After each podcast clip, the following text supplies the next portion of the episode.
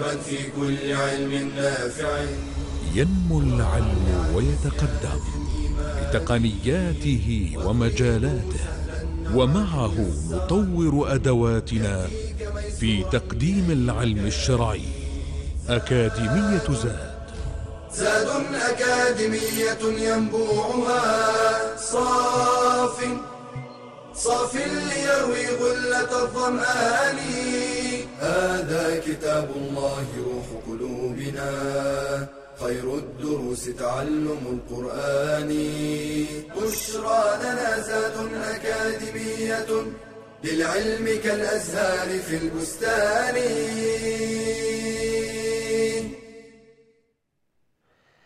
الحمد لله رب العالمين. أحمده سبحانه وتعالى حمدا كثيرا طيبا مباركا فيه.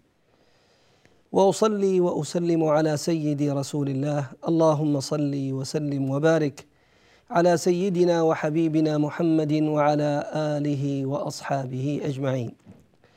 سبحانك لا علم لنا إلا ما علمتنا إنك أنت العليم الحكيم. اللهم علمنا ما ينفعنا وانفعنا بما علمتنا وزدنا علما. ما شاء الله كان ونعوذ بالله من حال أهل النار. اللهم لا سهل إلا ما جعلته سهلا وأنت تجعل الحزن إذا شئت سهلا. اللهم ارزقنا الإخلاص والتوفيق والقبول والعون إنك ولي ذلك والقادر عليه. ثم أما بعد أيها الأحبة الكرام حياكم الله واهلا وسهلا ومرحبا بكم في هذا اللقاء المتجدد. الذي نعيش وإياكم فيه مع تفسير كلام الله تبارك وتعالى. سائلين الله عز وجل أن يعفو عنا تقصيرنا وأن يغفر لنا ما بدا من عيوبنا وأن لا يؤاخذنا بسقطات ألسنتنا وأن يفتح علينا وإياكم من عنده إنه هو الفتاح العليم. أيها المباركون موعدنا مع مقطع من سورة النازعات. هذه السورة المباركة التي كالسور غيرها من السور المكية التي تتحدث لتؤصل ذكر اليوم الآخر وتؤكده في نفوس الموحدين. نعم أيها المباركون إنها سورة النازعات التي يدور محورها الأساسي على تأصيل وتأسيس وتأكيد عقيدة الإيمان باليوم الآخر وعلى الأخص ذكر البعث وهو عودة الأرواح إلى هذه الأجساد للوقوف بين يدي الله تبارك وتعالى. هذا المقطع المبارك يبتدئه الحق تبارك وتعالى بقوله فإذا جاءت الطامة الكبرى. الطامة المراد بها الأمر العظيم الذي يطم على كل أمر سواه. بعض الأمور إذا جاءت تنسي كل ما قبلها فتعلو بعظمها بمكانتها بما فيها من الهول على كل أمر سبقها وإن كان قد بلغ من الكرب والهم والغم أعلاه. ولهذا سماها الله تبارك وتعالى بالطامة وهو اسم من أسماء ذلك اليوم العظيم. كغيره من الأسماء التي ذكرها الله تبارك وتعالى ليوم القيامة. فقد سماها الله تبارك وتعالى بالساعة وبيوم القيامة والزلزله والقارعة والواقعة والآزفة والجاثية وغير ذلك من الأسماء العظيمة التي تدل على عظمها. ومعلوم أن الأمر كلما كثرت أسماؤه دل على عظمه وعلو رتبته ومنزلته ولهذا سماها الله تبارك وتعالى بهذه الأسماء. التي يفهم منها جميعا العظم والتي يفهم منها جميعا الكبر والتي يفهم منها جميعا الهول والشدة الذي سيكون في ذلك اليوم العظيم. ولهذا سماها الله تبارك وتعالى هنا بالطامة. فقال سبحانه عز وجل فإذا جاءت الطامة الكبرى قلنا والطامة هي الأمر الذي يطم أن يغطي كل أمر قبله فيعلو عليه لعظيم شأنه وعظيم ما فيه من الهول والكرب. ثم يزيد الله تبارك وعز وجل ذلك اليوم وصفا آخر يدل على شدته وهوله فيقول تبارك وتعالى فإذا جاءت الطامة الكبرى فليست هي طامة صغرى لا لا هي طامة كبرى. فيصفها الله عز وجل مع كونها طامة يصفها عز وجل كذلك بأنها كبرى. فلا شيء والله أكبر منها. لأولئك القوم الذين يعقلون. ولا شك أن قوله تبارك وتعالى الكبرى مبالغة في بيان هولها. مبالغة منه تبارك وتعالى في بيان هول ذلك اليوم العظيم. لما فيه كما قلنا من الحوادث والأهوال سلمنا الله وإياكم وعافانا تبارك وتعالى من كل سوء ومن كل بلاء. اذا ذلك اليوم سيجيء لا محالة. ولهذا قال تعالى فإذا جاءت جاءت ما هي؟ الطامة الكبرى. ثم قال تعالى يوم يتذكر الإنسان ما سعى. اسمع يا عبد الله. في ذلك اليوم سيتذكر ابن آدم كل سعيه الذي كان في هذه الحياة. سيتذكر سعيه إن كان من المؤمنين في طرق الخير. سيتذكر سعيه إلى الصلاة. سيتذكر سعيه إلى الصيام. سيتذكر سعيه إلى الحج سيتذكر سعيه في أداء الزكاة سيتذكر سعيه في بره لوالديه سيتذكر سعيه لكل أنواع الخير وكل طرقه في هذه الحياة التي عاشها سواء قليلة كانت أو كثيرة. كما أن ذلك العاصي ذلك العبد الفاجر جنبنا الله وإياكم طريقهم سيتذكر كل طريق سيء سعى إليه فسيتذكر سعيه إلى الزنا سيتذكر سعيه إلى الربا وطرقه لأبواب الربا سيتذكر سعيه للبحث عن المال الحرام وأكله سيتذكر سعيه إلى كل باب من أبواب المعصية التي فتحها عياذا بالله على نفسه. يوم يتذكر الإنسان ما سعى ويتذكر الإنسان ذلك في في في ذلك اليوم سعيه الذي سعاه إما اجمالا إما اجمالا. وذلك إذا رأى آثار السعادة إن كان من السعداء أو رأى آثار الشقاوة عياذا بالله إن كان من الأشقياء أو يتذكر ذلك تفصيلا. إذا عرضت عليه تلك الصحائف التي جعل الله عز وجل فيها كل أمر من أموره إن كان خيرا أو كان شرا. فيتذكر الإنسان ما سعى. يوم يتذكر الإنسان ما سعى. ثم قال تعالى وهو يصف أيضا هولا عظيما وخطبا جسيما وامرا من الأمور التي ستقع لا محالة في ذلك اليوم. قال وبرزت الجحيم لمن يرى. برزت أي أظهرت أظهرت للعيان لكل راء لكل ذي عينين يبصر وكل الناس في ذلك اليوم سيبصرونها تبرز لهم أي تظهر. فتكون لجميع الناس بارزة مشاهدة يشاهدها القريب كما يشاهدها البعيد تماما. فتبرز لهم من الذي أبرزها؟ إنه الله تبارك وتعالى الآمر بذلك وللحديث بقية إن شاء الله بعد الفاصل. بشرى لنا زاد أكاديمية للعلم كالأزهار في البستان.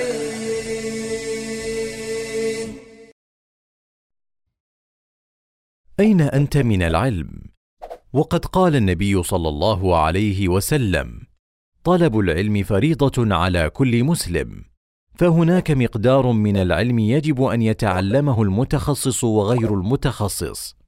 فعلى كل مسلم أن يتعلم ما تصح به عقيدته وعبادته. وعلى غير المتخصص أن يبدأ بالكتب الميسرة ثم يتدرج. ففي التوحيد مثلا يبدأ بالأصول الثلاثة والواسطية ثم كتاب التوحيد ثم الطحوية وهكذا سائر العلوم. وليسأل العلماء عما يشكل عليه ويقلدهم في الفتوى لقوله تعالى فاسألوا أهل الذكر إن كنتم لا تعلمون. وليتواصل مع طالب علم متخصص ليشرح له ما صعب عليه فهمه إذ لا يتيسر له التواصل مع العلماء في كل حين وليهتم بوسائل التقنية الحديثة لتعوض انشغاله عن حضور مجالس العلم أو الالتحاق بالكليات الشرعية ويحتاج غير المتخصص إلى علو الهمة وقوة العزيمة فمع ضيق الوقت لن يحصل العلم إلا بالمواصلة والاستمرار وليستفد من تخصصه في إتقان العلم الشرعي فالطبيب مثلا تسهل عليه مسائل الحمل والجراحات والمهندس تسهل عليه الفرائض لإتقانه الرياضيات. وليسخر ذكاءه في فهم دينه وخدمته. قال تعالى وتلك الأمثال نضربها للناس وما يعقلها إلا العالمون.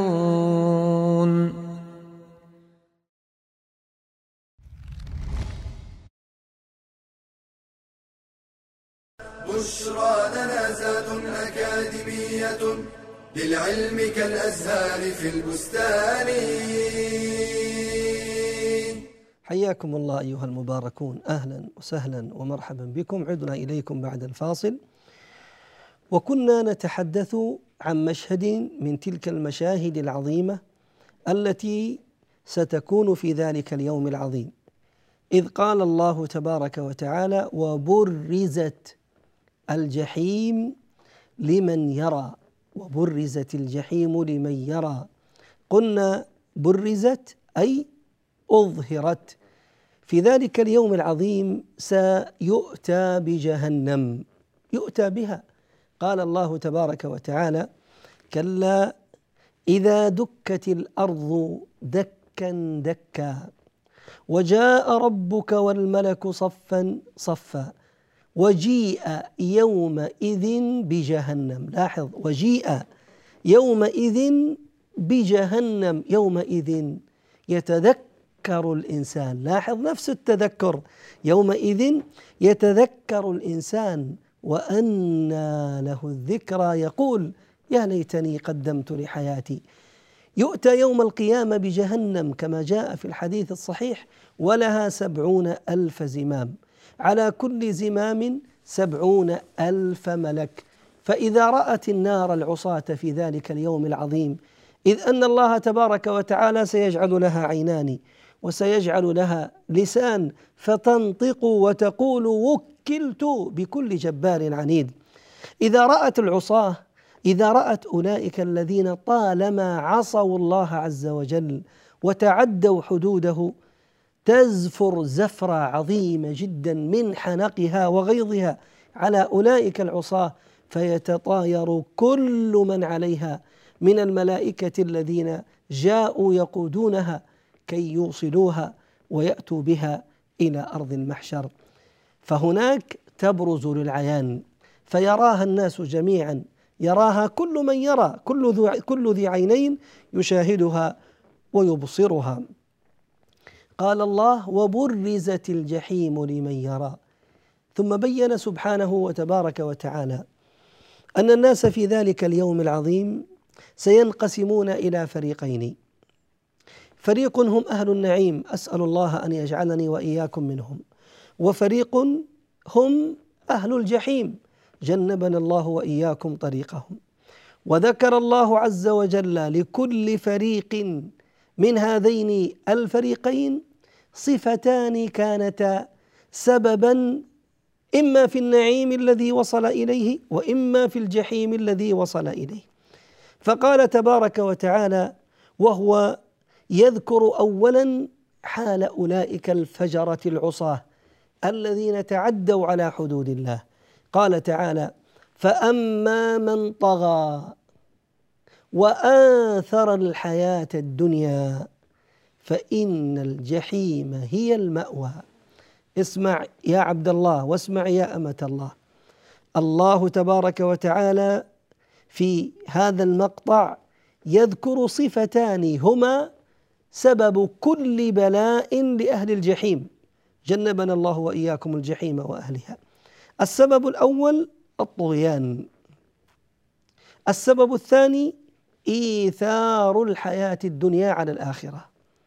فأما من طغى طغى أي تجاوز الحد. الطغيان مجاوزة الحد.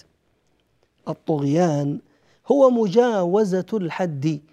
ولا يعني الحق تبارك وتعالى هنا إلا أولئك الذين تجاوزوا الحدود بلا مبالاة. أحبتي فرق بين مؤمن يقع في ذنب وهو حال وقوعه في الذنب خائف من الله وجل على ما اقترفته يداه وهو بعد الذنب مستغفر لربه منيب إليه تائب من زلته وخطيئته. وكلنا والله يدعو الله ويرجو أن يكون هذا حاله. لا يمكن أن يسلم الإنسان من الذنب. مستحيل. ان يسلم الإنسان من الذنب؟ ولهذا الوقوع في الذنب لا يخرج الإنسان من باب التقوى ولا يخرجه من كونه من المتقين. ولهذا الله عز وجل ينادي المؤمنين للتوبة ويناديهم بعدم اليأس والقنوط من رحمة الله تبارك وتعالى ويناديهم بوصف الإيمان مع كونهم أحيانا أهل عصيان وأي عصيان.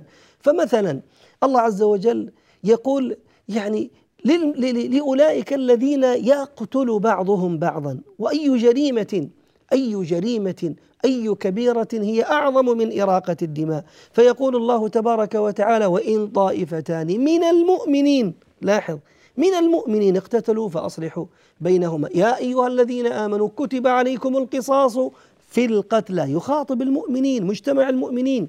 الذين وقع وقع فيهم مثل هذا الأمر. وهذا الذي وقع في في في في قتل أخيه والذي كتب عليه هذا القصاص هو من جملة هؤلاء المخاطبين. اذا وقوع العبد في الذنب مرة أو مرتين أو ثلاث أو عشر مع وجله وخوفه وعدم طغيانه في في في نعوذ بالله في في هذه الذنوب فلا يمكن أن يكون المؤمن إلا كذلك. هذا هذا حال الإنسان بضعفه.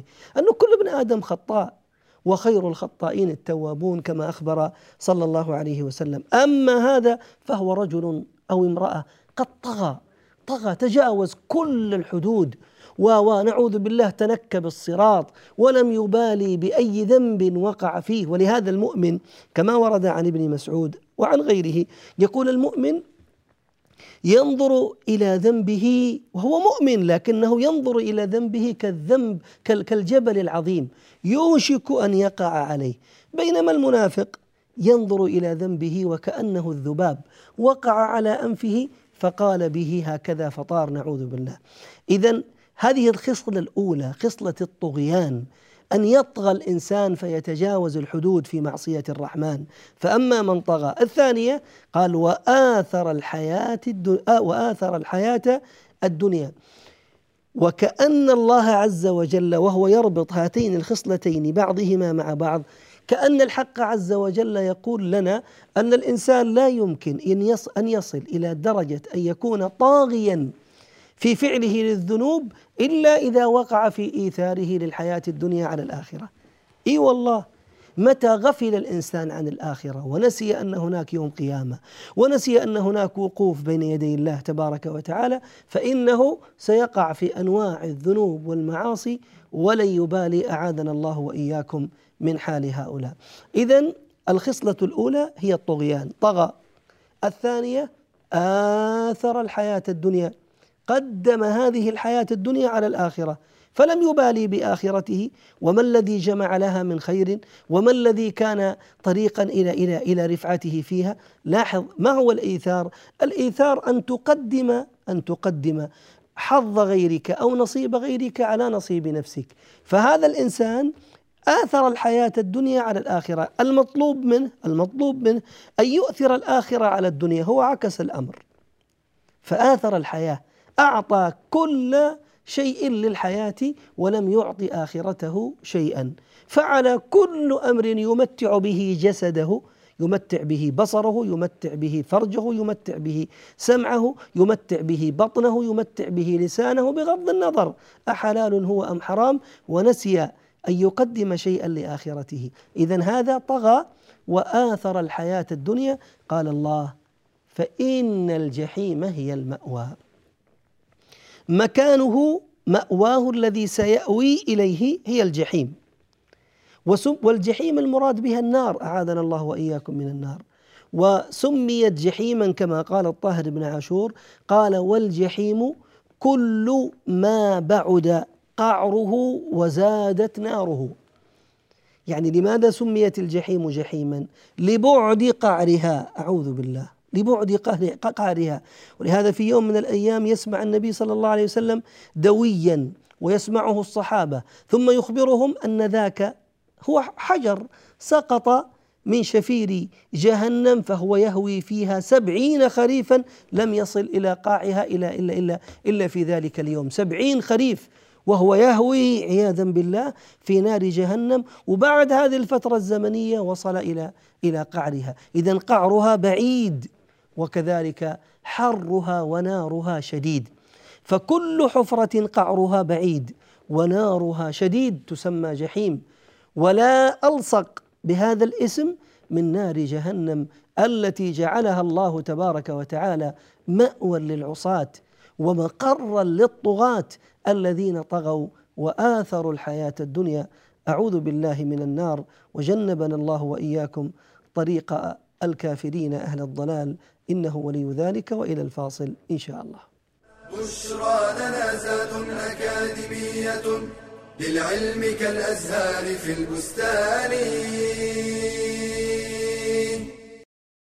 القرآن كنز عامر بالفضائل والخيرات وللوصول إلى فوائد هذا الكنز لا بد من استعمال مفاتيحه وهي آداب تلاوة القرآن فمنها إخلاص النية لله تعالى فقد أخبر النبي صلى الله عليه وسلم أن من أوائل من تسعر بهم النار يوم القيامة قارئ للقرآن. يقال له قرأت القرآن ليقال هو قارئ. ومنها التسوك والتطهر من الحدث الأصغر واستقبال القبلة. وعند البدء بالتلاوة يستعيذ بالله من الشيطان. فإذا قرأت القرآن فاستعذ بالله من الشيطان الرجيم. ويرتل القرآن بتمهل وتبيين للحروف. وكان ابن عباس يقول لأن أقرأ سورة أرتلها أحب إلي من أن أقرأ القرآن كله. ويستحب تحسين الصوت بالقرآن. قال النبي صلى الله عليه وسلم زينوا القرآن بأصواتكم. وإذا مر بآية رحمة أن يسأل الله تعالى من فضله وإذا مر بآية عذاب أن يستعيذ بالله من العذاب. ويستحب الاجتماع على تلاوة القرآن وتدبره وتدارسه. فقد قال صلى الله عليه وسلم ما اجتمع قوم في بيت من بيوت الله يتلون كتاب الله ويتدارسونه بينهم إلا نزلت عليهم السكينة وغشيتهم الرحمة وحفتهم الملائكة وذكرهم الله في من عنده. بشرى لنا زاد أكاديمية للعلم كالأزهار في البستان. حياكم الله أيها الكرام. أهلا وسهلا ومرحبا بكم. عدنا إليكم بعد الفاصل. ولا زال حديثنا عن أواخر سورة النازعات. ولا زلنا نتحدث عن فريقين. فريق جعلهم الله عز وجل نعوذ بالله من أهل النار وأخبر تبارك وتعالى أنهم قد استحقوا تلك النار الجحيم بخصلتين طغيان وإيثار الحياة الدنيا على الآخرة. وفريق آخر هم أهل الإيمان أهل الجنان اللهم اجعلنا منهم. وأخبر الله تبارك وتعالى كذلك أنه مستحق تلك الجنان بخصلتين كذلك. اسمع إلى ربك تبارك وتعالى وهو يقول وأما من خاف مقام ربه واحد. ونهى النفس عن الهوى اثنين. فإن الجنة هي المأوى. اللهم اجعلنا من أهل الجنة. خصلتان يا عبد الله خصلتان يا أمة الله. لا ثالث لهما. هما أصل كل خير. وطريق كل بر. كل من أراد الجنة يا أهل الجنة وكلكم يريد الجنة. كل من أراد الجنة فعليه أن يحقق هاتين الخصلتين. الخصلة الأولى خوف الوقوف بين يدي الله. لا إله إلا الله. سنقف بين يدي الله؟ الجواب نعم والله. سيقف كل واحد منا وحيدا فريدا. يكلمه الله تبارك وتعالى كفاحا بغير ترجمان. كائنا ما كنت يا عبد الله. انتبه ستقف أمام الله جل جلاله وعظم سلطانه. ومن أنت؟ لا شيء. ما هي منزلتك؟ قيمتك؟ حجمك أمام الله عز وجل ومع ذلك ستقف أمام هذا الجلال هذا الجمال هذه العظمة مع حقارتك ودناءتك ويحاسبك سبحانه وتبارك وتعالى. يا أخي يا أختي إذا كان النبي صلى الله عليه وسلم اللهم اعف عنا يحدثنا عن ملك من حملة العرش ولك أن تتخيل يقول عليه الصلاة والسلام أذن لي أن أحدث عن ملك ملك من حملة العرش إنما بين شحمة أذنه ومنكبه ما بين شحمة أذنه ومنكبه مسيرة مئة عام وفي بعض الروايات خمسمائة عام خمسمائة عام ما بين شحمة أذنه ومنكبه هذه فقط ما بين المنطقة هذه مسيرة خمسمائة عام. فما بالك بحجمه هو هذا الملك العظيم الذي يحمل وهو واحد من حملة العرش واحد من حملة العرش. وهو ينظر إلى الله عز وجل ويقول سبحانك ما أعظمك.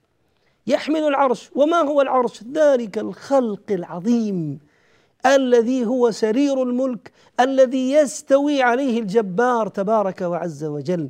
الذي لو وضعت السماوات السماوات والأرض في الكرسي الذي هو موضع القدمين كما قال ابن عباس موضع قدمي الرب لكانت كسبع دراهم في ترس. ولو وضع السماوات السبع والأراضين والكرسي في العرش لكانت كحلقة ألقيت في فلافي صحراء من الأرض. هذا هذا العرش الذي هو مخلوق من مخلوقات الله. جل جلاله وعظم سلطانه وتبارك اسمه فكيف برب العزة والجلال الذي يستوي استواء يليق بجلاله وعظمته على ذلك العرش؟ ثم يأتي هذا الإنسان الحقير الذي لا يساوي شيء فيعصي الله ويتكبر عليه في هذه الحياة ثم هو يوم القيامة سيقف بين يدي الله عز وجل. اللهم سلم سلم اللهم سلم سلم. اللهم اعف عن تقصيرنا واغفر زلاتنا. اللهم ارحم ضعفنا. يوم وقوفنا بين يديك يا رب العالمين. ومع ذلك يكون سبحانه وتبارك وتعالى يكون مع أوليائه مع أصفيائه رحيما لطيفا حليما يجبر كسرهم ويشفق تبارك وتعالى عليهم ويغفر زلاتهم ويرفع عز وجل درجاتهم. برحمته التي ادخرها لذلك اليوم العظيم تسعة وتسعين جزء من رحمته قد ادخر لذلك اليوم الذي سيقف فيه العباد بين يدي الله. إذا انتبه عبد الله. فأما من خاف مقام ربه فيجب أن نعمر قلوبنا أن نملأ قلوبنا بمخافة وقوفنا بين يدي ربنا. يعني خاف الله. خاف يا عبد الله خاف الله. الذي ستقف بين يديه. وكلنا يعلم أن الخوف ركن من أركان العبادة. يستحيل أن يعبد العبد ربه عبادة صحيحة سليمة إلا وقد حقق ركن الخوف مع ركنين آخرين الرجاء والمحبة. فالخوف والرجاء هما للعبد كجناحين يطير بهما إلى الله تبارك وتعالى في هذا في هذا العالم الذي يعيش فيه والمحبة هي رأس ذلك الطائر يسير إلى الله تبارك وتعالى بهذه الأركان. أما أما متى متى ما نزع خوف الله من قلب العبد فتراه يقع في كل معصية ولا يبالي. يقع في كل معصية ولا يبالي لأن الخوف قد نزع من قلبه. فالمؤمن يحرص على أن يملأ يم يعمر قلبه بخوفه من الله. ولا ولا ولا يعني أسهل من ذلك متى ما أخذ العبد بالأسباب. ومن ذلك كثرة قراءة القرآن لا سيما الآيات التي تدل على جلال الله وعظمة الله سبحانه وتبارك وتعالى. التركيز على الآيات التي تتحدث عن الوعيد عن الوعيد. قراءة يعني بعض قصص السلف والصالحين ومدى خوفهم من رب العالمين تبارك وتعالى. دوام تذكر العبد لخطيئته وذنبه مما يساعد كذلك في إعمار القلب وملئه بخوف الله تبارك وتعالى. فعلى المرء أن يحرص على ذلك. قال الله تبارك وتعالى وأما من خاف مقام ربه. الثانية قال ونهى النفس عن الهوى. نهى النفس هذه النفس ها التي ربما يعني تسرح به في كل واد من من من وديان الحرام حتى تهلكه. ينبغي للعبد العاقل أن يحجمها أن يعقلها أن يمنعها لا سيما عن الهوى. وهو ذلك الميلان والفلتان الذي يكون إلى الشهوات عياذا بالله. فيميل العبد إلى إلى إلى هذه الشهوات التي تهلكه. ولاحظ كيف يسميها الله عز وجل هوى كأنه أمر لا حقيقة له ولا وجود له فهو مجرد هوى. هوى. لو تنظر لو تتأمل لو تحقق فيه تجد أنه في الحقيقة سيرديك لن يغنيك. سيوقعك في أنواع المهالك وأنواع الرذائل عياذا بالله. وفي الحقيقة لا شيء.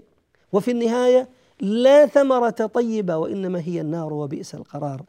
إذا الهوى تميل إليه النفس لأنه يوافق عياذا بالله تلك الشهوات التي تميل إليها النفس. فالمؤمن يحجمها يعقلها يبعدها فينهى نفسه عن هواها. أسأل الله أن يجعلني وإياكم من هؤلاء. إذا العاقل هو هذا. العاقل يا عباد الله هو هذا. وكأن الله تبارك وعز وجل يقول لنا إذا أردت أن تحقق خوفك من الله أن تعمر قلبك بالخوف من الله فامنع نفسك من هواها. امنع نفسك من هواها. ولهذا إذا دعتك نفسك في يوم من الأيام أن تنظر نظرة حرام فامنعها من هذه النظرة الحرام. سيورثك ذلك إيمانا في قلبك ومن ذلك خوفك من الله عز وجل. إذا دعتك هذه النفس إلى سماع ما حرم الله ها فامنعها من هذا الهوى الذي تدعو إليه. فمنعك إياها سيورثك خوفا من الله عز وجل يعمر به قلبك.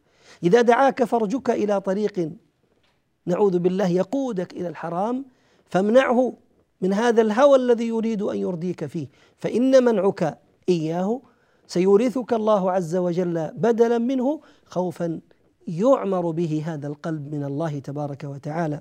فمن ترك شيئا لله أبدله الله تبارك وتعالى خيرا منه. ما النتيجة إذا حققنا هذين الأمرين؟ قال الله فإن الجنة هي المأوى هي المنزل هي المكان الذي سيأوي إليه. اللهم اجعلنا من أهل الجنة يا رب العالمين. اللهم اجعلنا من أهل الجنة ووالدينا ومن أمن على دعائنا إنك سميع الدعاء. وصل اللهم على سيدنا محمد وعلى آله أجمعين. والحمد لله رب العالمين.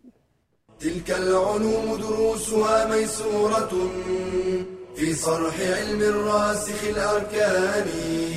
بشرى لنا بشرى لنا بشرى لنا زاد أكاديمية للعلم كالأزهار في البستان.